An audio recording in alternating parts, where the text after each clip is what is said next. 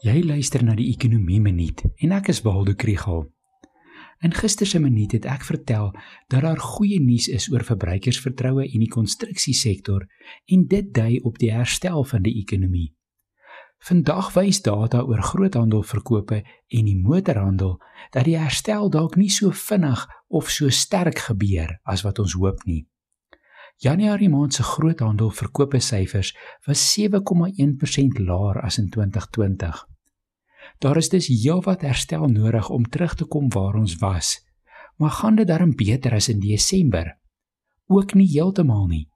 Die seisoensaangepaste syfer wys dat groothandelverkope 0,6% minder was in Januarie as in Desember.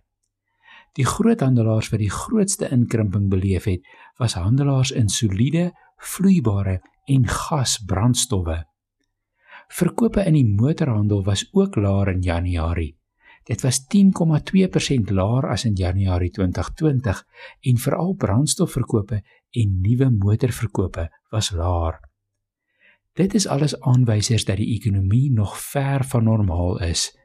Die stadige pas van die inentingsprogram en sprake van 'n derde golf koronavirusinfeksies is besig om die uitgestelde vraag nog verder uit te stel.